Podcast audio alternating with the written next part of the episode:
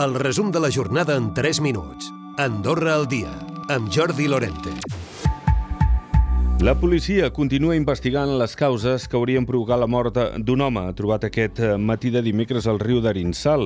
Les primeres hipòtesis apuntarien que la mort no s'hauria produït el mateix dimecres. Amb tot, la policia manté oberta la investigació per determinar les causes de la mort d'un avís d'aquesta persona difunta ja al riu d'Arinsal poc abans de les 11 del matí. El lloc on s'ha detectat el cadàver és just al costat d'un punt especialment transitat, ja que es troba uns 200 metres del telecabina d'Arinsal, a l'alçada de l'antic hotel La Solana. I un operari de la construcció ha patit un accident laboral aquest dimecres a la tarda en una de les torres del Clot d'en Privat, d'Escaldes en Gordany. La gravetat de les lesions l'han fet traslladar amb helicòpter a un hospital de Barcelona. No estem per la seva vida. La Unió Sindical demana als coprínceps que, com a caps d'estat, no ratifiquin la condonació del deute a la cas dels impagaments indeguts en prestacions d'invalidesa. El secretari general de l'USDA, Gabriel Ubach. Han de ser una mica seriosos i jo crec que el Consell General s'ha precipitat moltíssim aprovant una llei que mai s'hagués tingut que aprovar. I és per això que han presentat aquesta documentació als coprínceps perquè, d'alguna manera, intentar aturar-la. Abans que res, diu Ubach, s'ha de crear una comissió d'investigació i depurar responsabilitats si s'escau.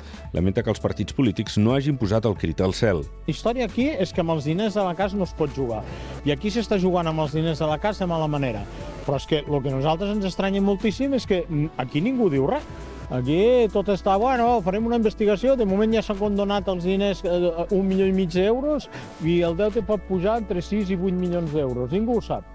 D'altra banda, la sindicatura ha acceptat la proposta de crear una comissió per investigar aquest afer de les pensions d'invalidesa. La creació, però, ha de passar per a l'hemicicle i no es preveu que es convoqui cap ple fins almenys el 5 de març, a la primera reunió de la Junta de Presidents.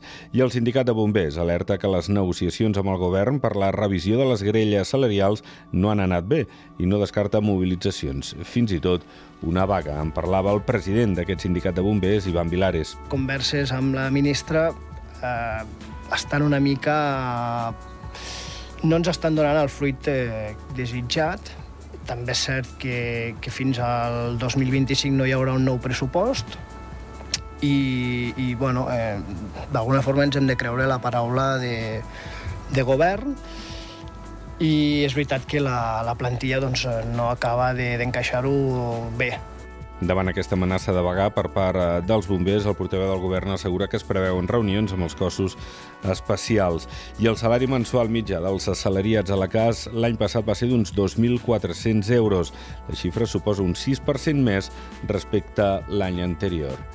El cap de govern ha rebut aquest dimecres al matí el ministre d'Afers Exteriors i Comerç d'Hongria, Peter Sijarto, en la tercera visita oficial d'aquest país a Andorra que ostentarà el segon semestre d'aquest any la presidència de la Unió Europea. Recupera el resum de la jornada cada dia a AndorraDifusió.d i a les plataformes de podcast.